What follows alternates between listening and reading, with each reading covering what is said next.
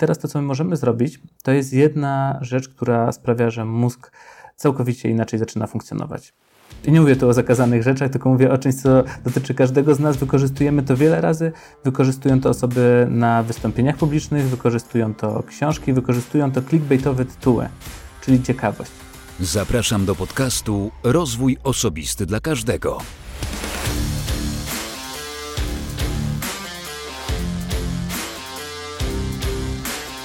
Cześć, ja nazywam się Wojtek Struzik, a Ty słuchać będziesz 236 odcinka podcastu Rozwój Osobisty dla Każdego, który nagrywam dla wszystkich zainteresowanych świadomym i efektywnym rozwojem osobistym. Dzisiaj rozmowa z gościem. Moim gościem był Marcin Stopa. Gościem moim był, Twoim za chwilkę będzie. Posłuchasz rozmowy z Marcinem na temat neuronauki, a tak naprawdę czterech filarów efektywnego uczenia się i na tym głównie opieraliśmy naszą dzisiejszą rozmowę. Zanim jednak zaproszę Cię do rozmowy z Marcinem, przypomnę, że w odcinku 235 rozmawiałem z Agnieszką Stążką Gabrysiak. Rozmawiałem z nią o samoregulacji, o tym, w jaki sposób możemy sami wpłynąć na to, jak się czujemy, jak zmienić, w jaki sposób zmienić swoje samopoczucie na takie, jakiego oczekujemy, jakiego pożądamy. Więc jeśli jeszcze nie słuchałeś, nie słuchałaś rozmowy z Agnieszką Stążką Gabrysiak, to zapraszam do wysłuchania odcinka 235 o samoregulacji. A teraz podziękuję jeszcze swoim patronom, którzy wspierają i którzy wskazują e, gości do podcastu. Agnieszka między innymi była jednym z gości, czy gościnią tego podcastu wskazaną przez patronów. Część pytań również pochodziła od patronów, ale nie tylko do Agnieszki, do wielu innych gości e, pytania zadawali patroni, niektórych gości polecali patroni, więc jeśli ty chcesz mieć realny wpływ na rozwój tego podcastu, to serdecznie zapraszam do wejścia na stronę patronite.pl łamane przez RODK i wsparcie tego podcastu lub bajkowego podcastu. Ja za to z góry dziękuję i zapraszam już serdecznie do wysłuchania rozmowy z Marcinem Stopą o neuronauce, o tym, jak efektywnie uczyć się, jak wyglądają cztery filary efektywnego uczenia się. Zapraszam. Cześć, ja nazywam się Marcin Stopa. Na co dzień zajmuję się transferowaniem nauki, neuronauki do biznesu i życia codziennego. Robię to, e, robię to przez e, zarządzanie C-Widely, gdzie skupiamy się na kilku takich aspektach związanych właśnie z wykorzystaniem praktycznym neuronauki, czy to przez efektywny rozwój e, pracowników czy osobistych, poprzez e, studia animacyjne whiteboardowe, czy też Neuro Insight Lab, gdzie pomagamy klientom organizować badania neuro w biznesie. Podsumowując, zajmujemy się praktycznym wykorzystaniem i transferem neuronauki do rozwiązań efektywnych biznesowych. Super. Ta neuronauka, przyznam, e, zainteresowała mnie i była głównym powodem tego, że skontaktowałem się z tobą. Zresztą generalnie to był chyba jeden z komentarzy na LinkedInie, który zobaczyłem, a później zobaczyłem podpis pod, twoją, pod twoją stopką i mówię, ok, to brzmi ciekawie. Więc cieszę się, że znalazłeś chwilę, że możemy o tym porozmawiać. Do C. Widely na pewno e, przejdziemy, na pewno porozmawiamy o neuronauce i myślę, że przede wszystkim skupimy się na tej efektywności, ale to za chwilę, bo ja tradycyjnie też na wstępie pytam swoich gości o to, jakie narzędzia, które rozwijają cię, sprawdzają się u ciebie najlepiej, z czego po prostu korzystasz, co u ciebie działa. Mm, tutaj moja ulubiona odpowiedź powinna paść, to zależy, ale najczęściej e, jak to wygląda u mnie, to przede wszystkim duży research. Czyli znalezienie tego, gdzie mogę się dowiedzieć więcej. Często jest to poszukanie osób, które wiedzą czegoś, czego ja nie wiem i po prostu zadawanie im pytań, e, dowiadywanie się tego. I to, co dla mnie na przykład jest ważne podczas e, rozwoju osobistego, to bazowanie na sprawdzonych źródłach. W sensie dla mnie jest bardzo ważne, żeby to, czego się uczę, to, czego, co chcę wdrożyć, miało oparcie chociażby w badaniach naukowych, żebym wiedział, że jeśli ja to zastosuję, to są też duże szanse na to, że to rzeczywiście zadziała. Tak, to faktycznie, żeby się nie opierać na hmm, pogłoskach albo że u mnie działa, tylko że to jest efekt y, badań, badania zwykle na dużych próbach y, kohortowych całych, to kohortowe badania są można powiedzieć efektywne w tym wypadku, bo o tej efektywności będziemy rozmawiać, bo przecież robimy to po to, żeby przyniosło jakiś konkretny rezultat, a nie robić dla samego robienia. No, chociaż czasami w rozwoju osobistym ludzie się na początku gubią i po prostu rozwijają się na potęgę, tylko nic z tego nie ma. Ale no, jak będziemy rozmawiać o efektywności, to, e, to do tego przejdziemy. Ale dobra, no to mm, neuronauka, tutaj już padło takie hasło kilka razy. Zacznijmy od tego, żeby powiedzieć słuchaczom, jak rozumieć, czym jest neuronauka. Najprościej to jest nauka mózgu o sobie samym. Dlatego, że jak patrzymy, to my rzeczywiście staramy się zrozumieć, jak funkcjonuje mózg, co się tam dzieje w środku. E, I to, co później z tym robimy, w przypadku neuronauki, już takich w aspektach praktycznych, to zastanawiamy się, jak to wykorzystać po prostu w życiu codziennym, czyli jak przenieść te teoretyczne aspekty na bardziej praktyczne. I to, co jest ciekawe, kiedy mówimy o neuronauce, to musimy też wziąć pod uwagę, że dużo rzeczy wciąż nie wiemy. W sensie my mamy już ogrom informacji o tym, jak my przetwarzamy informacje, jak działa pamięć, e, w jaki sposób my się uczymy i to, jaki przeskok tutaj dokonaliśmy jest niesamowite, natomiast wciąż jest masa rzeczy, których nie wiemy, które wciąż badamy i to jest piękne, że wciąż to jest dyscyplina, która bardzo prężnie się rozwija. Super. Y, tak, mnie też to ciekawi. Nawet miałem gościa u siebie w podcaście, który y, zajmuje się mózgiem generalnie. Mamy, mamy tak z pojęciem, jeśli mówimy o mózgu, o tym, jak on się rozwija, ile o nim wiemy, że często też popadamy w takie powtarzanie pewnych mitów. Tak jak y, jest taki bardzo popularny, błędnie interpretowany wynik badań, który często początkujący trenerzy wystąpień publicznych używają jako taki element filar wręcz tego, dlaczego warto uczyć się wystąpień publicznych, czyli to, y, ile widz, słuchacz odbiera danych bodźców, ile widzi, ile słyszy, e, ile ton głosu, tak? Więc jakby opierają na tym cały, cały model, natomiast jest to, jest to błędne podejście. Tak samo jak tutaj chcę Ciebie zapytać, chociaż myślę, że to pytanie wybrzmiało w rozmowie już e, z innym gościem odnośnie mózgu. Jak to jest z tym, że my wykorzystujemy 10% tego mózgu, tak się utarło mówić. Wiesz co, to jest jedno, to tak jak wspomniałeś, to się bierze z błędnej interpretacji czyichś tam kiedyś badań, które zostały przeprowadzone, dotyczyły przeważnie czegoś totalnie innego. E, I przeważnie to, co wyróżnia te mity, to, że trafiły do mediów głównego nurtu, czyli opisały je New York Times, czy jakaś inna duża gazeta i zrobiła z tego artykuł, który nie do końca oddawał to, ale był Clickbaitowy. poczytny. Więc w związku z... Tak, był mocno clickbaitowy i to pokutuje tym, że my 40-50 lat temu mm, w pewien sposób przyjmujemy to, że skoro tak jest to powtarzane, to coś w tym musi być. Natomiast e, nie jest to możliwe, żebyśmy wykorzystywali tylko 10% mózgu, dlatego że nasz mózg jest tak niesamowicie zoptymalizowanym systemem, że on każdy po prostu wolny neuron do czegoś by wykorzystał. E, do tego stopnia, że nawet e, pojęcie neuroplastyczności, czyli tego, że mózg potrafi się zmieniać w czasie, potrafi przyjmować niektóre funkcje i to, że on w pewien sposób właśnie, jeśli mamy obszar, który jest słabo zagospodarowany, no to okazuje się, że on nie będzie tam stał odłogiem, tylko zostanie zagospodarowany w inny sposób. Tak jak na przykład e, rekompensacje niektórych zmysłów u osób, które mają ograniczone, czy to na przykład widzenie, mają świetnie rozwinięty słuch, etc. Więc to nie jest tak, że my mamy możliwość wykorzystania tylko 10% e, mózgu i ktoś nam obiecuje, że pomoże nam rozwinąć 100% naszych, e, użycia naszego mózgu. Mogę od razu słuchaczom powiedzieć, że każdy z nas już wykorzystuje 100% mózgu, więc już osiągnęliśmy Cieszę się, że to powiedziałeś. Pamiętajmy o tym, że to jest mit. My wykorzystujemy cały mózg, być może, a inaczej, badania mówią, że nie wykorzystujemy 100% mózgu zawsze, tylko wykorzystujemy różne jego obszary w zależności od różnych naszych aktywności.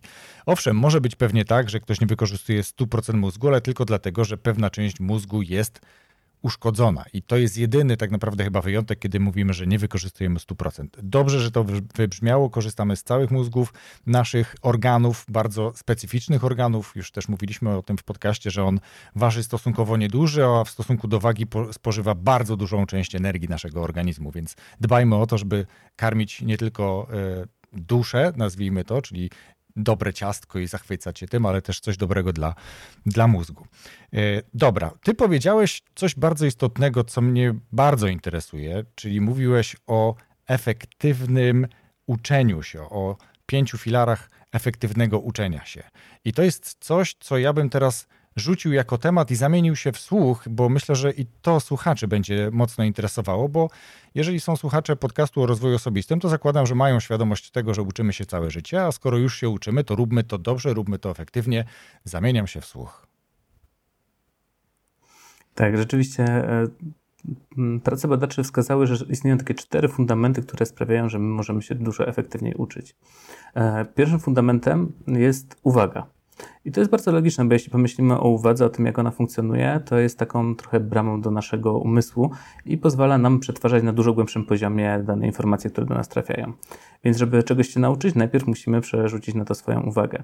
Później jest aktywne zaangażowanie. Nie chodzi tutaj o to, że robimy pajacyki, czy musimy biegać podczas nauki, tylko chodzi o to, że my aktywnie o czymś myślimy. To znaczy zastanawiamy się nad tym, tworzymy hipotezy, zastanawiamy się, jak to można połączyć z innymi rzeczami.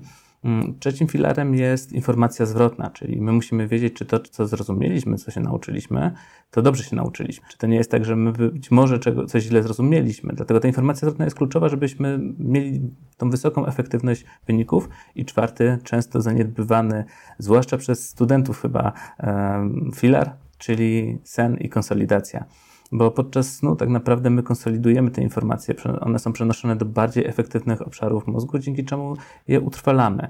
Więc e, kluczowym elementem, który spaja to wszystko, jest właśnie spanie, które tak często i chętnie jest przez wiele osób pomijane podczas nauki. Wiele osób mówi, że nie potrzebuje wiele spać, 2-3 godziny, 4 godziny, tu efektywność, szkoda czasu na spanie, szkoda, szkoda życia na spanie, co jest błędem i wprowadza nas w spiralę, która później no, bywa, że efekty są takie, że trzeba już się skoncentrować na terapii, na terapii bezsenności na przykład. Zresztą w podcaście był terapeuta bezsenności i już nie dużo już w podcaście było, dlatego ten czwarty filar ja chętnie odeślę słuchaczy, przypomnę im te odcinki, które były, podlinkuję je w opisie tego odcinka podcastu. Dlatego chciałbym, żebyśmy się skupili na tych trzech pierwszych. Wiemy, co to są za filary, co to są za fundamenty. E, teraz, jak je efektywnie wykorzystać, tak, żeby faktycznie one przyniosły nam rezultaty. Zacznijmy od tej uwagi. Jak efektywnie wykorzystać uwagę, na czym to polega? Co takiego powinniśmy zrobić, aby ten filar uruchomić we własnej efektywnej nauce? Ja bym nawet zrobił jeszcze krok wstecz, żeby to zobaczyć mm. pełny obraz mhm. i cofnął się do tego właściwie po co nam okay, mózg. ciekawe. E, dlatego, tak, dlatego, że na takim podstawowym poziomie mózg jest nam potrzebny do przetrwania. I to jest w sumie oczywiste dla nas. E, natomiast jeżeli pomyślimy o tym w ten sposób, to musimy się zastanowić, co on robi, żeby przetrwać. I mózg, żeby przetrwać, musi zadbać o to, żeby zwiększyć nasze szanse na przetrwanie. Czyli jeżeli jesteśmy w jakiejś sytuacji, mózg musi się zastanowić, co się zaraz może wydarzyć. Musi określić, co jest dla nas niebezpiecznego, co może być dla nas nagrodą i sprawi, że będziemy się czuć lepiej. I to, w jaki sposób mózg to działa na zasadzie określenia prawdopodobieństwa zdarzeń. A to, co my robimy, na przykład ucząc się, co robimy przez całe życie, to sprawiamy, że dostarczamy mu informacji do lepszego określenia prawdopodobieństwa zdarzeń, które się wydarzą. E, I teraz, e, jeżeli popatrzymy na naukę w ten sposób, to mm, ten pierwszy filar będzie dla nas tym bardziej oczywisty, dlatego że ta nasza warstwa świadomego przetwarzania informacji jest dosyć mała. W sensie, jeśli pomyślimy o tym, ile my świadomie jesteśmy w stanie przetwarzać informacji bieżących, a ile do nas bodźców dociera nawet w tym momencie do słuchaczy, e, słuchacze teoretycznie powinni teraz się skupiać na tym głównie, co słyszą. Ale to nie oznacza, że nie docierają do nich bodźce wzrokowe, czuciowe z całej skóry, która przecież jest olbrzymia, z całego ciała, chociażby temperatura, e, zapach, który nas otacza, smak, który mamy w ustach, masa rzeczy, które do nas docierają. E, I ta uwaga bardzo długo była porównywana do tego, że jest takim reflektorem, który nam oświetla coś i podświetla jakby te rzeczy z tych, które nas otaczają. Część neuronaukowców mówi, że może lepiej nie idźmy tą drogą, ale dla tego porównania myślę, że to jest dobre określenie, że ona po prostu wyciąga te informacje i rzuca je na pierwszy plan, dlatego żebyśmy się mogli na nich skupić. Mm, I wiele badań pokazuje, że pomimo, że my mamy coś w tej warstwie, warstwie, uwagi, czyli na przykład skupiamy się na słuchu, to nie znaczy, że cała reszta bodźców do nas nie dociera. Mózg wciąż jakby musi je przetwarzać. Ciekawe badania były prowadzone, które pokazały, że osoby, które skupiały się na danym punkcie, dalej były w stanie zauważyć to, że, co, że ich imię było wyświetlane poza warstwą świadomego widzenia. Dlatego, że ten punkt fiksacji wzroku, który mamy przed sobą, to jeśli byśmy wyciągnęli rękę, pokazali sobie kciuk do góry i zobaczyli na nasz paznokieć, to mniej więcej to jest obszar, który my świadomie jakby widzimy, na którym możemy skupić swój wzrok. Jeżeli na przykład nasze imię występuje poza tym e, obiektem, to i tak my jesteśmy w stanie je zauważyć. Tak samo, jeżeli ktoś z nas był na imprezie, a podejrzewam, że każdy choć raz na jakiejś imprezie musiał być, e, to na pewno doznał takiego zdarzenia, że rozmawiał z kimś i nagle usłyszał swoje Pomimo, że nie skupialiśmy się na tym, żeby nasłuchiwać swojego imienia, to nasz mózg jakby cały czas musi to robić.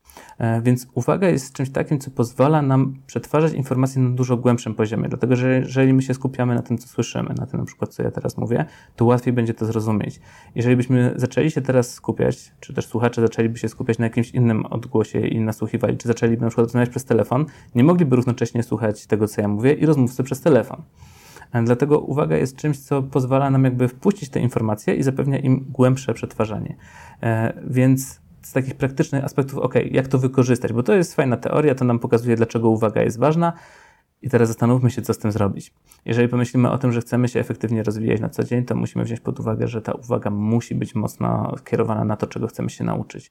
Czyli jeśli na przykład czytamy książkę, mm, to mogliście doświadczyć czegoś takiego, że czytając książkę nagle jesteśmy na końcu strony i się okazało, że zaczęliśmy myśleć o czymś innym.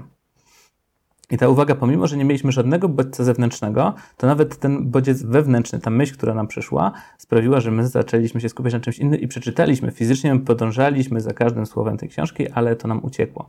Dlatego to utrzymanie uwagi, utrzymanie koncentracji jest tak ważne. Żeby to zrobić, najłatwiej ograniczyć liczbę bodźców, która może do nas docierać. Czyli jeżeli chcemy się czegoś nauczyć, chcemy się na czymś skupić, to postarajmy się, żeby na przykład ekran telefonu nie był w zasięgu naszego wzroku, bo jeśli przyjdzie powiadomienie, to my odruchowo zobaczymy na ten ekran. I to jest coś, z czym bardzo trudno jest walczyć. Jeżeli chcemy utrzymać uwagę na przykład na czymś, co robimy na komputerze, to jeśli mamy możliwość, wyłączmy sobie rzeczy, które mamy w tle, żeby z tyłu nie było widać, że jest Facebook na przykład, albo przychodzi nam nowe powiadomienie, że coś nas rozprasza. Jeżeli mamy ten czas, kiedy chcemy się nauczyć czegoś, to też zaplanujmy go tak, żeby zmniejszyć prawdopodobieństwo, że ktoś nam będzie przerywał czy przeszkadzał. Że ktoś przyjdzie się zapytać, gdzie położyliśmy klucze do samochodu albo do domu. Gdzie mamy ten czas dla siebie, żeby rzeczywiście się skupić na tym, w jakiś sposób nawet od tego odciąć, od całej reszty. E, I wtedy, jeżeli my pokierujemy tą uwagę w świadomy sposób i będziemy w stanie ją utrzymać, uzyskamy świetne efekty. I to nas prowadzi do drugiej rzeczy, czyli tego utrzymania uwagi, dlatego że musimy zaakceptować, że my bardzo trudno nam jest utrzymać uwagę stale na stałym poziomie przez bardzo długi okres czasu zwłaszcza jeżeli nie mamy do końca wpływu na to, co przyswajamy. Bo jeżeli popatrzymy na książki, mamy książkę, która nas po prostu wciąga tak, że doświadczamy wręcz takiej dysocjacji i cały świat przestaje istnieć dookoła, a my się skupiamy na tym, co czytamy, to super, nasza uwaga jakby automatycznie jest utrzymywana. Ale jeśli trafimy na podręcznik akademicki, który powiedzmy, że niekoniecznie jest e, napisany lekkim piórem, który utrzymuje uwagę czytelników, to będzie nam trudno się skupić. Będzie to wymagało od nas e, większej koncentracji, większej samoregulacji. Mm, tak jak na przykład w przypadku filmów wiesz, my nie mamy problemu, żeby na przykład oglądając film skupić się 3 godziny na nim i cały czas patrzeć, co się dzieje z tym głównym bohaterem. E, ale gdy mamy wykonywać żmudne zadanie, które jest powtarzalne i nudne dla nas, to nasza uwaga bardzo szybko spada. Według różnych badań przy testach zegara, czyli badanie, krótko powiem o tym badaniu, badanie polega ogólnie na tym, koncepcja tych badań, że badani patrzą na tarczę zegara. Tarcza się obraca i co jakiś czas przeskakuje 2 sekundy. Mhm. I teraz oni mają zauważyć, kiedy ta wskazówka przeskoczy 2 sekundy. Więc cały czas muszą być skupieni na tym, żeby śledzić tą wskazówkę. E, I sprawdza się, jak wygląda ten poziom skupienia, to znaczy, jak dużo błędów oni popełniają od rozpoczęcia zadania. I okazuje się, że najlepiej im wypada pierwsze 5 minut. Później widać, że ten e, poziom skupienia zaczyna spadać po 15 minutach, po pół godziny i w zasadzie drugie i trzecie pół godziny od rozpoczęcia już e, ma tak słabe wyniki, że możemy mówić o trzykrotnym pogorszeniu się tej uwagi. W sensie ta liczba błędów jest trzykrotnie wyższa niż była na przykład w pierwszych pięciu minutach. Więc my też musimy mieć świadomość tego, że uwaga czasem będzie spadać, więc warto rozłożyć sobie tą naukę, chociażby z tego względu, na mniejsze porcje i rozłożyć ją po prostu w czasie. Świetnie, że to powiedziałeś i tutaj od razu nasuwają mi się takie e, kilka takich refleksji generalnie, bo ja tutaj sobie tak słucham ciebie, w międzyczasie notuję. E, wiem, że to bywa trudne, natomiast e, no tak też się zdarzy. I to, co powiedziałeś przed chwilą, żeby dzielić sobie pracę, naukę na bloki, no to świetnie też jest zademonstrowane na przykład na wystąpieniach TED Talka i innych podobnych konferencjach, gdzie prelegenci mają w okolicach 20 minut i też y, bardzo często, jeżeli znamy takie narzędzie Pomodoro do właśnie trochę wsparcia takiej efektywnej nauki czy pracy, tam też zwykle taki blok pracy, blok uczenia się trwa w okolicach 20 minut, bo to jest według y, też badań, ale nie potrafię przytoczyć jakich, być może ty pamiętasz. Y, to jest też udowodnione, że te 20 minut to jest taki optymalny czas, kiedy jesteśmy w stanie dosyć dobrze skupić się na tym czymś. Mówię dosyć dobrze, bo ty wspomniałeś o wielu takich zakłócaczach, typu czytam książkę, ale myślami już odchodzę, e, coś mi wyskakuje, jakieś powiadomienie, więc zadbanie w tym punkcie pierwszym o to, żeby faktycznie mieć tylko to, co jest moim głównym, nadrzędnym celem, czyli chcę się czegoś konkretnego nauczyć, na pewno będzie wspierało. Takie krótkie podsumowanie pierwszego filara. Tak, właśnie to, co też powiedziałeś, że to rozkładanie w czasie jest ważne i tutaj przechodzimy do drugiego filaru. Dlatego, że tym drugim filarem jest e, aktywne zaangażowanie. I nie mówimy tutaj o fizycznym, ale umysłowym, dlatego że tak jak przed chwilą powiedzieliśmy, nasz mózg cały czas zastanawia się, co za chwilę nastąpi, określa prawdopodobieństwo zdarzeń. E, I w związku z tym, kiedy następuje ten sygnał błędu, to my się uczymy, bo nasz mózg zakładał, że się wydarzy A, wydarzyło się B, to oznacza, że trzeba to nadpisać. Przeważnie na to reagujemy zaskoczeniem, śmiechem lub inny sposób, czasem strachem. E, więc e, to znowu sprowadza się do tego, że jeżeli my rozłożymy naukę w czasie, to robimy jedną fajną rzecz. To oznacza, że jeżeli my siadamy do tematu, który przerwaliśmy, musimy sobie przypomnieć, co ostatnio tam było, żeby kontynuować najzwyczajniej w świecie. A to oznacza, że my już przywołujemy tą informację, a jak przywołujemy, to wchodzimy w to aktywne zaangażowanie, czyli myślimy o tym, że ok, to to badanie dotyczyło tego i tego, albo to w takim razie to się bierze z tego i tego. I przeważnie jest tak, że jeżeli nie potrafimy sobie przypomnieć, to musimy to sprawdzić. I teraz to, co jest ciekawe, to okazuje się, że nie ma znaczenia, czy my dobrze pamiętamy, czy źle. W sensie, jeżeli my się zastanawiamy nad odpowiedzią, jaka była, to okazuje się, że nawet lepiej zapamiętamy, jeśli się pomyliliśmy, niż jeśli dobrze pamiętaliśmy. Bo ten sygnał błędu sprawi, że nasz mózg będzie wiedział, że ok, tu się pomyliłem, trzeba jakby lepiej to utrwalić, żeby na następny Być raz. Bardziej czujny. Tak, żeby następnym razem nie dopuścić do tego, że ja się mylę. Bo pamiętajmy, że mózg bierze wszystko śmiertelnie poważnie, bo jego zadaniem jest przeżycie, więc każdy sygnał błędu, w tym przypadku, jeżeli on dotyczył, nie wiem, tego, co słów piosenki, to to jest ok, ale jeżeli to by było na przykład coś związane z naszym życiem, czy na przykład na jakim świetle się przechodziło, czerwonym czy zielonym, to umówmy się, że to nie jest coś, gdzie jest miejsce na błąd. Dlatego nasz mózg jakby nie do końca będąc w stanie rozróżnić te rzeczy, traktuje wszystko śmiertelnie poważnie, więc nawet takie pomylenie się jest dla niego już czymś, co trzeba jakby skorygować, żeby lepiej funkcjonować w przyszłości. Mm, I teraz to aktywne zaangażowanie polega na tym, że my łączymy z jednej strony informacje z tymi, którymi już mamy, czyli jeżeli myślimy o tym, że ok, ja mówiłem przed chwilą o zaangażowaniu, to co to dla mnie oznacza, jak ja funkcjonuję, czy można to połączyć z tym, co robię, czyli jeżeli jak się uczę, to czy ja się uczę rano, wieczorem, czy ja się uczę tak, że inni mi przeszkadzają, czy nie wiem, ubieram słuchawki podczas nauki, żeby się odciąć od wszystkiego, czy te słuchawki mają podłączony telefon, który mi mówi powiadomienia i tak dalej. Więc to już jest aktywne myślenie i zaangażowanie w to, co się uczymy. Mm, teraz będziemy tworzyć sobie hipotezy, czyli zastanawiać się nad tym, ok, to co ja mogę z tym zrobić? Czyli jak ja to mogę wdrożyć? Czy jeżeli ja zacznę na przykład wyciszać telefon, odkładać go, czy to zacznie dla mnie działać? Czy być może będzie jeszcze gorzej działało, dlatego że będę się stresować tym, że może mi przyjść ważny telefon, ja go ominę i będę miał z tego powodu problemy. Więc my zaczniemy tworzyć te scenariusze i zastanawiać się nad tym, co zrobić z tą informacją. E, I to jest ten drugi filar, dlatego że my wtedy łączymy te informacje z tymi, którymi posiadamy i sprawiamy, że one są dla nas też bardziej użyteczne. I tutaj to sprawdzanie się, testowanie jest e, świetne pod tym kątem, że mocno e, wzmacnia ten ślad pamięciowy i sprawia, że ta informacja będzie o wiele lepiej i dłużej zapamiętana. Wiesz co, tak się zastanawiam tylko, na ile to aktywne zaangażowanie jest takim świadomym, aktywnym zaangażowaniem, czy bardziej podświadomym. To jest tak, że my się do tego przygotowujemy, mając świadomość tego drugiego filara, fundamentu, czy raczej to jest tak, że koncentruję się na uwadze, i gdzieś podświadomie wychodzi wtedy to zaangażowanie. Wiesz co, to jest tak, że my dużo z tych rzeczy robimy podświadomie. Tak samo jak z uwagą, tak samo jak z tym, my się często na tym nie skupiamy, robimy to odruchowo. I teraz, jeżeli my wiemy, jak to działa, wiemy po co to jest, to będziemy na przykład wiedzieć, że jeśli my czytamy książkę i znajdziemy fragment, który jest dla nas interesujący, to oprócz tego, że sobie go zaznaczymy w jakiś sposób, czy to zakreślając, czy zaginając róg książki, czy jakkolwiek inaczej, to powinniśmy się nad nim zastanowić zatrzymać na chwilę. To też dla nas będzie na przykład informacja, że na koniec, e, o właśnie, że na koniec tego, jak przeczytamy rozdział, powinniśmy sobie go powtórzyć i zastanowić się nad tym, czy my coś z tym możemy zrobić, czy nam się to łączy z czymś innym, co to dla nas zmienia, czy to zmienia nasz punkt widzenia w jakiś sposób.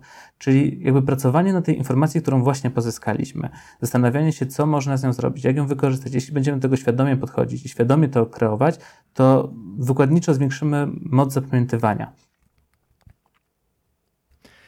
Czyli generalnie wystarczy, że do pierwszego filaru, tak mi się wydaje, tak, do pierwszego filaru podjedziemy świadomie, pomimo, że powiedziałeś, że tam pewne rzeczy dzieją się podświadomie, ale mówię o tej świadomej, e, świadomej części, czyli takiej teraz zamierzam się uczyć, czyli muszę wygospodarować sobie blok czasu, poprosić innych potencjalnie w otoczeniu, aby mi nie przeszkadzali, wyłączyć potencjalne e, powiadomienia i inne zakłócacze, żeby móc faktycznie efektywnie skoncentrować swoją uwagę na tym. Zatem przyjdzie aktywne zaangażowanie, czyli nie będę myślał o tym, co się stanie z tym schowanym czy wyłączonym telefonem, tylko będę koncentrował się na nauce. I tutaj e, to, mówiłeś też o tym, natomiast wydaje mi się, że to też jest tak, że mózg, ty powiedziałeś bardzo wyraźnie, je, jego zadaniem jest przetrwać, tak? Przetrwać jako mózg, czyli w naszym organizmie, czyli żebyśmy my jako ludzie przetrwali. Oczywiście my dalej przetrwamy bez ręki, ale też jego intencją jest to, żebyśmy te obie ręce i nogi mieli. Natomiast poza tym mózg jest też bardzo wygodny i leniwy, stąd bardzo łatwo wykorzystuje każdą sytuację do tego, aby nie wydatkować tej energii. Czyli jeżeli my planujemy się teraz uczyć, to mózg, mam wrażenie, czasami będzie próbował to trochę sabotować, bo jest to dla niego duży wydatek energetyczny, dużo większy niż gdyby miał ten, te, te chwile spokoju, był mózg był w swojej strefie komfortu. Jak sobie poradzić z tym właśnie, tak? Czyli czy da się do tego lepiej przygotować, da się zasilić jakąś dawką energii ten mózg? Nie mówię tutaj o jakichś szczególnych, szczególnie nielegalnych jeszcze suplementach, e, czy chociażby kawie, czy innych energetykach, tylko o takim zdrowym podejściu, zdrowym nakarmieniu tego mózgu, żeby ta energia była wtedy, kiedy my jej potrzebujemy. Tak, w ogóle to, co powiedziałeś fajnego, że mózg jest w pewien sposób leniwy, zauważ, że on dalej próbuje przetrwać.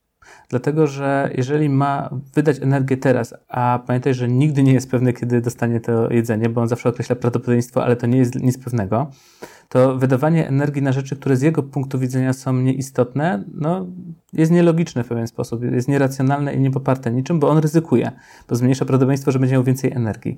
Więc rzeczywiście to wygląda w ten sposób. I teraz to, co my możemy zrobić, to jest jedna rzecz, która sprawia, że mózg całkowicie inaczej zaczyna funkcjonować. I nie mówię tu o zakazanych rzeczach, tylko mówię o czymś, co dotyczy każdego z nas. Wykorzystujemy to wiele razy. Wykorzystują to osoby na wystąpieniach publicznych, wykorzystują to książki, wykorzystują to clickbaitowe tytuły, czyli ciekawość. Dlatego, że mózg, żeby przetrwać, musi pozyskiwać informacje, musi się dowiadywać o swoim otoczeniu. To zwiększa jego szanse na przetrwanie, nasze szanse na przetrwanie. I żeby to robić, funkcjonuje mechanizm ciekawości. Tylko ten mechanizm ciekawości nie funkcjonuje tak, że ja teraz bym powiedział, że słuchajcie, opowiem Wam o niesamowitym równaniu, dzięki któremu możemy obliczyć e, rzecz związaną z napięciem błony neurona. Bo to będzie nie w tym miejscu krzywej ciekawości, gdzie powinno być, bo teraz e, naukowcy zauważyli, że są rzeczy, które nas nie interesują, bo A są za proste, lub nas nie interesują, bo B są za trudne. Czyli mózg określa, że OK, ja jestem tak pewien tego, tej odpowiedzi, że nie muszę tego sprawdzać. Nie ma co marnować na to energii. Albo druga opcja stwierdza, że to jest tak trudne, że za dużo to kosztuje mi energii, żeby się tego dowiedzieć, wolę odpuścić. I teraz, żeby zachęcić go do zdobywania tych informacji, musimy wybrać te rzeczy, które są pomiędzy punktem A a pomiędzy punktem B, czyli A i pół by wyszło wtedy.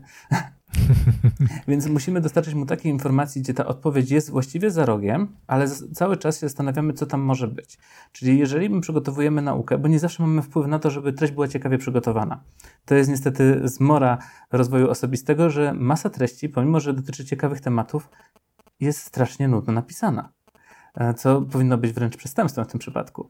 E, I to, co my możemy zrobić, to sami powinniśmy sobie zadać pytania, czego chcielibyśmy się dowiedzieć, jeszcze zanim sięgniemy. Nawet zobaczyć na ten spis treści, zobaczyć, czego dotyczy, zobaczyć, o czym będzie mówione i samemu zastanowić się, co by nas interesowało. Dlatego, że wtedy nakierujemy się na to, żeby wyłapywać te informacje, będziemy oczekiwać, czy zaraz się ich dowiemy, więc budzimy sami w sobie tą ciekawość. Więc to jakby zaangażuje nas na dużo wyższym poziomie, niż jakbyśmy to tak zostawili samemu sobie i włączyli i czekali, aż coś się niesamowitego wydarzy. Zobacz, jak to świetnie widać na przykładzie pasji. Jeśli mamy jakąś pasję, to my chłoniemy każdą informację, która dotyczy tego, co nas interesuje. My po prostu możemy godzinami siedzieć i utrzymywać 100% koncentracji uwagi na przedmiocie, którego chcemy się nauczyć, pomimo, że dla wielu osób może być to bardzo abstrakcyjne i ogólnie może być przyjęte jako temat, który niekoniecznie jest aż tak ciekawy, ale nas to, to interesuje, to jest nasza pasja. Jesteśmy w stanie po prostu poświęcać na to mnóstwo czasu, pieniędzy i innych rzeczy i wtedy nasz mózg każdą informację zachowa. I teraz wiele osób mówi, no bo ja jak się uczę, to nie mam takiej dobrej pamięci, no chyba, że mnie coś zainteresuje, bo jak mam pasję, to potrafię godzinami siedzieć i się wszystkiego nauczyć. I my po prostu tak funkcjonujemy na co dzień. My na co dzień e, łatwiej przyswajamy informacje, które nas ciekawią, które nas pasjonują. Więc musimy po prostu stworzyć okazję do tego, by te rzeczy wydawały nam się interesujące i ciekawe. Dobra, mamy dwa filary z czterech. Czwarty to był sen, o którym już dużo, więc odpuściliśmy go sobie, ale został nam jeszcze filar, filar trzeci, czy fundament trzeci, feedback. Jak feedback wkomponowuje się w ten proces efektywnego uczenia się? W bardzo łatwy sposób możemy to zobrazować. Wyobraź sobie, że chcesz się czegoś nauczyć. Mm, I wyobraź sobie jakąś metodę, robisz to przez 10 tysięcy powtórzeń, 100 tysięcy powtórzeń, bez znaczenia. I robisz tak od lat ale nie wiesz, że istnieje prostszy sposób na robienie tego. Nie wiesz, bo nikt ci tego nie powiedział. Mhm. Nie wiesz, że robisz źle. Więc e, informacja zwrotna jest e, narzędziem, dzięki któremu się możemy dowiedzieć po pierwszym powtórzeniu, czy po drugim, że to, co robimy, może nie jest najlepszym rozwiązaniem. Więc ona dużo, ona mocno skraca cały ten proces nauki i sprawia, że on jest dużo efektywniejszy.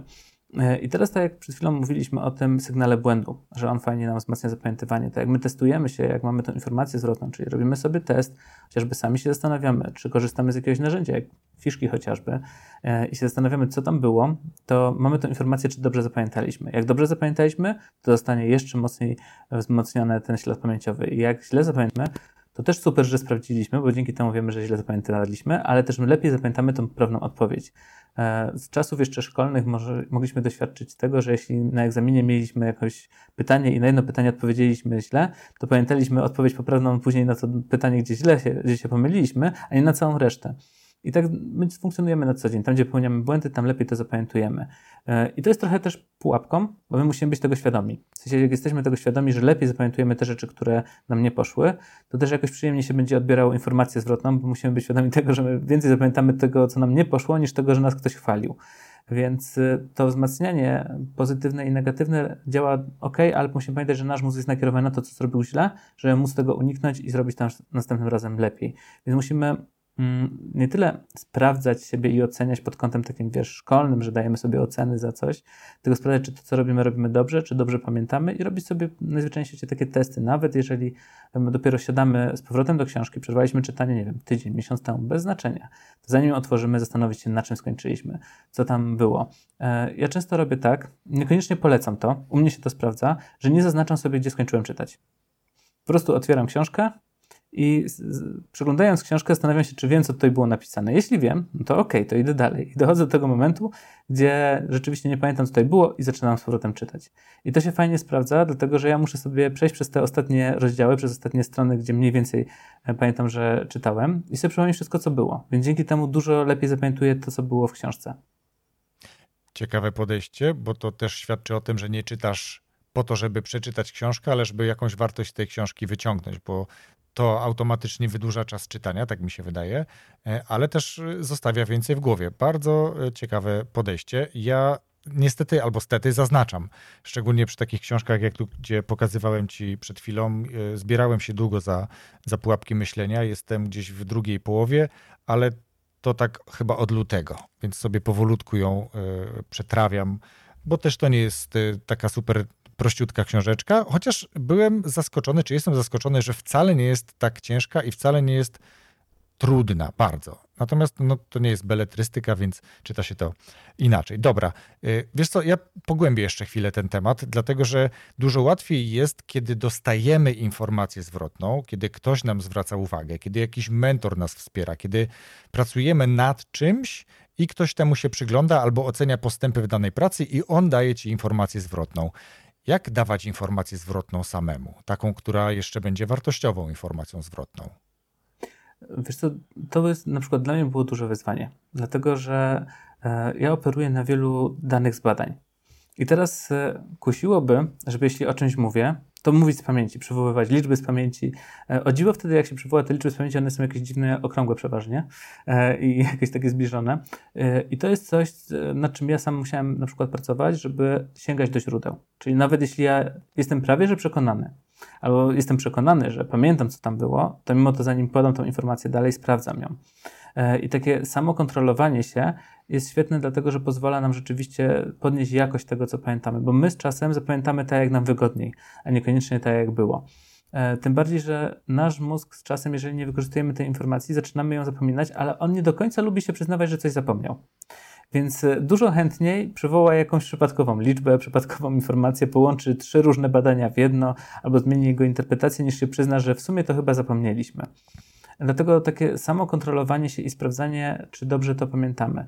Tak jak pokazałeś książkę, gdzie masz zaznaczone różne rzeczy, to jeżeli na przykład mówimy o czymś, to fajnie jest sobie wrócić do tego, poszukać, gdzie to było i sprawdzić, czy my rzeczywiście dobrze zapamiętaliśmy. Bo się okaże, że w wielu przypadkach my możemy być święcie przekonani, że dobrze pamiętamy, ale okazuje się, że tak naprawdę nasz mózg płata nam figle. Mhm. Ja tak spotykam się z tym czasem. Przeczytałem e, dwie, kwoli ścisłości, przesłuchałem w krótkim czasie dwie książki tego samego autora i później ciężko było mi przywołać, z której z nich pamiętam to, co pamiętam. Były bardzo zbliżone, obie Darren Hardy napisał, więc e, podobna tematyka troszkę to zgadzam się w pełni. E, dobrze jest wtedy wrócić do źródła, jeszcze raz sobie przesłuchać. E, jedna z książek jest dostępna w internecie w oryginale, więc można ją sobie pobrać po to, żeby zweryfikować, ale w przypadku książki, którą masz, którą czytasz, wrócenie do tego, czy tak jak ty powiedziałeś, niezaznaczanie miejsca, w którym skończyłem czytać, też jest takim elementem samokontroli, o której też mówiłeś przy okazji tej informacji zwrotnej, tego feedbacku w tym procesie efektywnego na, nauczania się, uczenia się. E, jeszcze jeden wątek pociągnę, zanim przejdziemy do kolejnego pytania. Dużo mówimy o uczeniu się, natomiast coraz częściej, szczególnie ci, którzy starają się wytaczać jakieś trendy czy, czy jakieś kierunki co do tego, co będzie w przyszłości istotne, nad czym warto się dzisiaj koncentrować, które zawody, które kierunki, które umiejętności, które kompetencje będą istotniejsze w przyszłości, mówią dużo o umiejętności oduczania się. Jak w tym kontekście neuronauka będzie się odnajdywała? Wiesz co, no, jakby zapominanie jest jedną z naszych naturalnych rzeczy. I wiemy, że trudniej jest nadpisać jakiś nawyk czy jakąś automatyzację, którą my już mamy. Bo też na początku e, zastanówmy się, dlaczego mamy nawyki, dlaczego coś jak robimy tyle razy, tak łatwo nam przychodzi. Chociażby przypomnijmy sobie, jak się uczyliśmy jeździć samochodem i pierwsza zmiana biegów. Nie wiem, jak to u Was wyglądało, ale u mnie to wyglądało tragicznie, żeby zastanowić się, ok, gdzie była jedynka, jak to zrobić. Pamiętam, że to był jeszcze jakiś Opel, gdzie trzeba było podnieść lewarek, żeby wrzucić wsteczny. Tragedia. E, w jeszcze patrzyłeś razie... na drążek zmiany biegów, a nie na drogę. O, to, to już w ogóle, tak. Znaczy, patrzyłem na plac, ale okay. tak rzeczywiście to było bardzo skomplikowane na początku. A teraz, jeśli siadamy w samochód, po prostu robimy to odruchowo. Nie zastanawiamy się nawet do końca, w którym momencie. My czujemy, że teraz zmieniamy bieg, po prostu zmieniamy, jedziemy dalej. E, I teraz wszyscy właściciele samochodów z automatyczną skrzynią biegów siedzą i się cieszą. E, I tak to, że my się nauczyliśmy to robić tak sprawnie, mm, sprawiło, że uwolniliśmy tą naszą uwagę i zasoby poznawcze na to, żeby analizować to, co się dzieje na drodze. Dlatego jak jeździmy na początku się tak stresujemy, bo jest za dużo bodźców, dzieje się coś na drodze, musimy włączyć kierunkowskaz.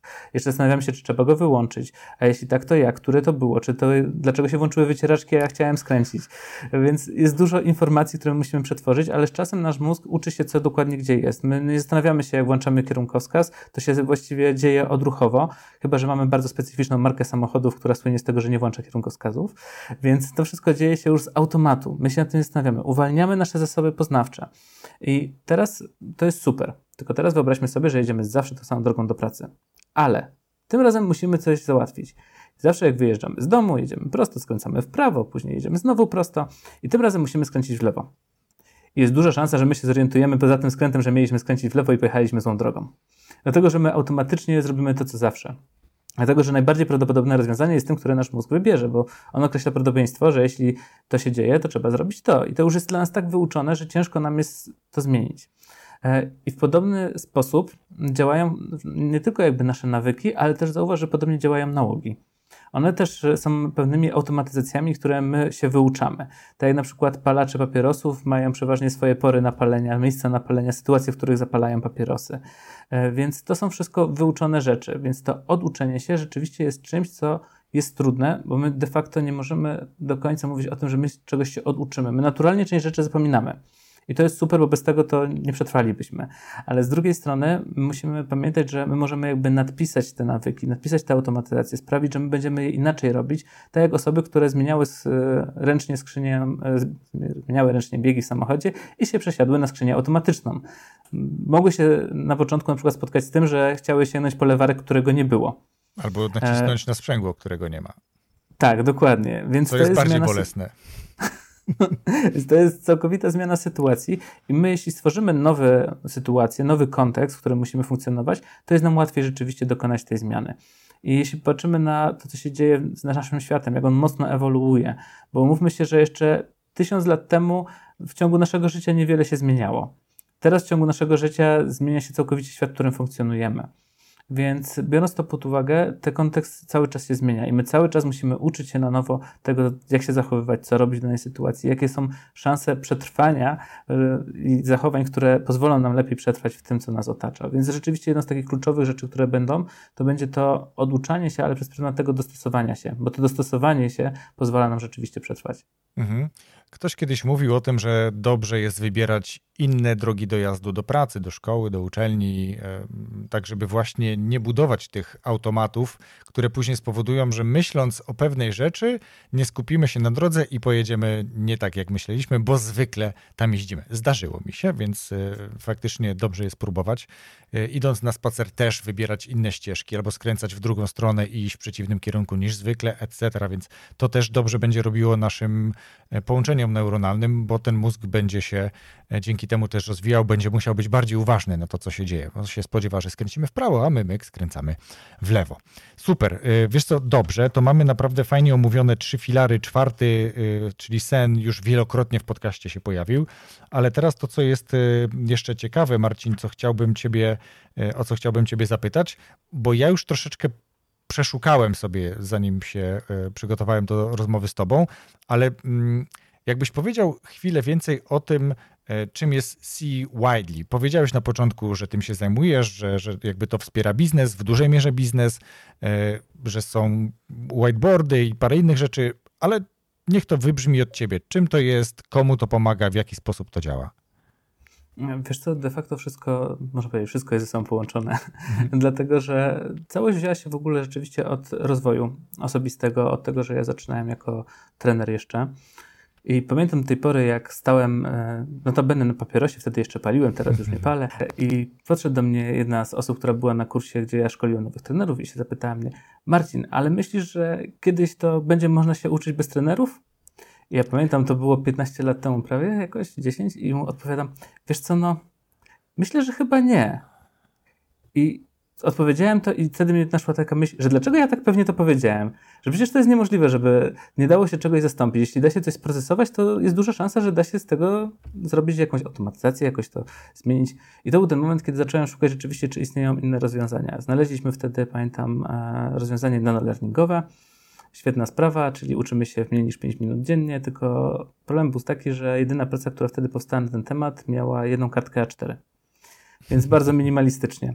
E, przez następne lata śledziliśmy wszystko, co zostało opublikowane, i problem był taki, że publikacje były albo dosyć małe, albo były to bardzo bogate rozwiązania, takie wielomilionowe, jak na przykład najnowocześniejszy szpital w Europie prowadził nanolearning, czy chociażby wojsko amerykańskie, które jakimś dziwnym trafem nie chciało nam udostępnić żadnych informacji na temat tego wdrożenia. Chciałem powiedzieć, że pewnie słabo się dzielili. Dokładnie. E, w każdym razie e, zaczęliśmy się zastanawiać, co my z tym możemy zrobić, jak to możemy wykorzystać, e, jak nasz, i wtedy się zaczęliśmy też zastanawiać, jak nasz mózg te informacje będzie przetwarzał. No, okazało się, że najfajniej będzie wykorzystać tą, te whiteboardy, dlatego że to, co niesamowitego... To jeszcze, to jeszcze powiedzmy, co to jest whiteboard, bo nie każdy z słuchaczy wie albo pamięta. Tak, czyli animacje, które polegają na, na rysowanej ręce na białym tle, która nam powstaje obraz na naszych oczach, która rysuje różne rzeczy. E, I teraz, jak zaczęliśmy to badać temat, okazało się, że to niesamowicie prowadzi naszą uwagę. I tutaj też neurociekawostka, że nasza kora wzrokowa jest podzielona na kilka obszarów, V1, V3, V5 i teraz na każdym z tych obszarów jest e, inaczej ten obraz przetwarzany. Na samym początku my przetwarzamy ogólne kształty. I później im dalej schodzimy w tym przetwarzaniu tego obrazu, tym więcej szczegółów przetwarzamy. No i to, co fajnego się okazało, to jeżeli kształt jest prosty, to jest dużo szybciej przetwarzany i dużo łatwiej jest na nim pracować. Więc jeżeli my sobie pomyślimy o drzewie i narysujemy sobie drzewo, no to ok, to drzewo będzie troszkę wyglądało inaczej, ale jeśli ja narysuję drzewo, to prawdopodobnie będziesz wiedział, że to jest drzewo. Jeżeli ja narysuję choinkę, to będziesz wiedział, że to jest choinka, pomimo, że nawet nie ma takiego gatunku drzewa. Więc w ten sposób zaczęliśmy się zastanawiać, że to fajnie można połączyć. Problem był wtedy taki, że nikt tego nie potrafił nam zrobić tak, jakbyśmy chcieli. I to sprawiło, że założyliśmy studio animacyjne. Więc jakby z tej całej pracy w 2020 roku, pamiętam, mieliśmy premierę dwa tygodnie przed, nie, dwa tygodnie, tak, przed pandemią. E, pokazaliśmy platformę learningową, gdzie przygotowaliśmy 200 kompetencji, e, które też przebadaliśmy, które kompetencje będą kluczowe, które warto rozwijać, które dają tą przewagę w życiu codziennym i zawodowym. I stworzyliśmy tą platformę nano-learningową, gdzie z jednej strony rzeczywiście ona jest skierowana głównie do firm, dlatego że tam fajnie można wykorzystać tą przewagę tych pięciu minut, zorganizowania tego w fajny sposób, e, ale też jest otwarta na klientów indywidualnych. Więc to są jakby te dwa obszary, które na początku nam wyrosły. Czyli z jednej strony studia animacyjne, którego potrzebowaliśmy, bo musieliśmy zapewnić sobie taką jakość, jaką chcieliśmy, z drugiej strony to rozwiązanie nano-learningowe. No i w tym roku tym roku. Zaprezentowaliśmy nasze trzecie rozwiązanie, czyli to, czym się zajmujemy, czyli udostępniliśmy po prostu nasz zespół badawczy e, na zewnątrz, czyli pozwoliliśmy firmom korzystać z naszego zespołu badawczego, z naszego sprzętu, dlatego że musieliśmy zbudować też swoje laboratorium do tego, żeby badać aktywność mózgu, żeby być, e, żeby móc sprawdzać, które efekty, które rozwiązania przynoszą jakie efekty, czy to w zakresie właśnie tych animacji, czy tego, jak się uczymy, żeby móc porównać A do B, no to musimy to sprawdzić, więc y, musieliśmy kupić bardzo drogą aparaturę do eye trackingu, do tego, żeby śledzić aktywność mózgu, żeby móc określić prawdopodobieństwo, co zwiększa szanse na zapamiętanie.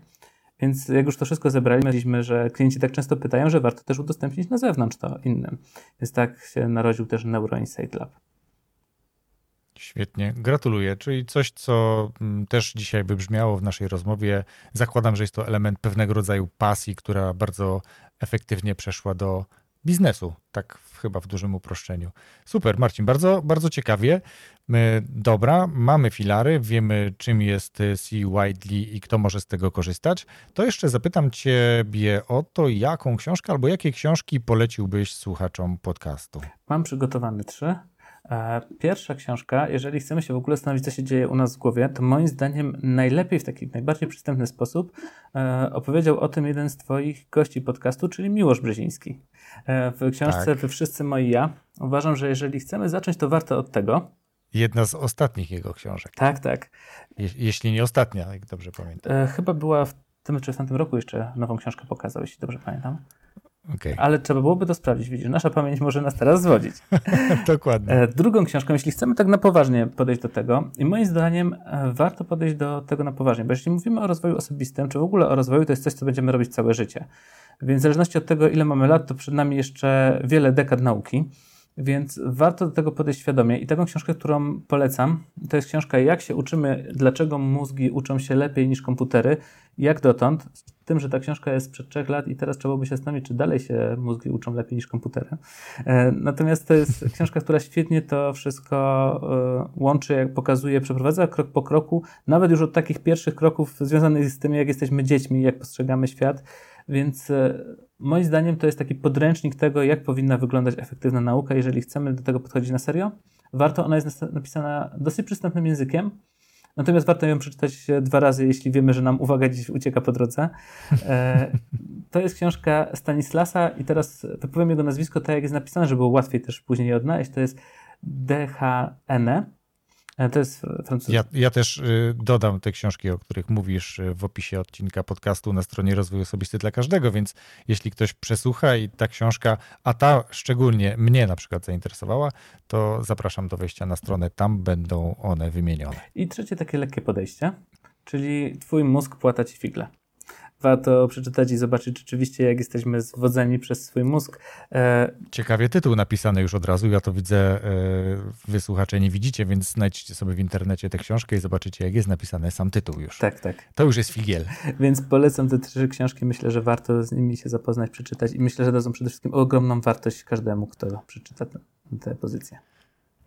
Super, świetnie. Ja myślę, że ta rozmowa jest świetnym wstępem do tego, żeby te tematy bardziej zgłębiać. Mamy zbudowane tak naprawdę wyobrażenie na podstawie tych czterech filarów. Trzy z nich całkiem fajnie dzisiaj omówiłeś, ciekawie. I to niech będzie podstawa, fundament do dalszego szukania sposobów na efektywne uczenie się i wykorzystywanie możliwości naszego mózgu. Marcin, bardzo dziękuję Ci za dzisiejszą rozmowę. Dzięki wielkie. Rozwój osobisty dla każdego.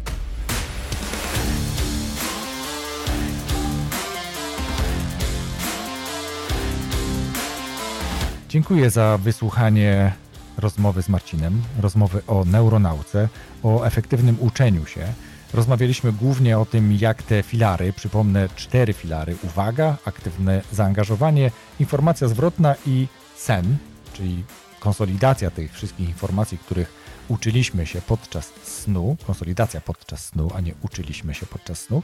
Myślę, że to jest bardzo efektywne. Dobrze jest mieć świadomość tego, o czym opowiadał Marcin. Myślę, że ta rozmowa jest bardzo ciekawa i warto świadomie wykorzystywać te filary, szczególnie filar, o którym nie rozmawialiśmy, ale który już w podcaście kilka razy miał miejsce, czyli jak sen wpływa na to, jak się czujemy, jak się rozwijamy, czy na przykład właśnie jakie mamy możliwości, jakie mamy umiejętności uczenia się dzięki temu, że dobrze się wysypiamy, bo to jest podstawa nie tylko efektywnej nauki, ale i efektywnego rozwoju, e, bycia zdrowym, ale też i bycia szczęśliwym. Dlatego raz jeszcze dziękuję za wysłuchanie tej rozmowy i zapraszam już za tydzień do kolejnego odcinka podcastu Rozwój Osobisty dla każdego. Wszystkiego dobrego.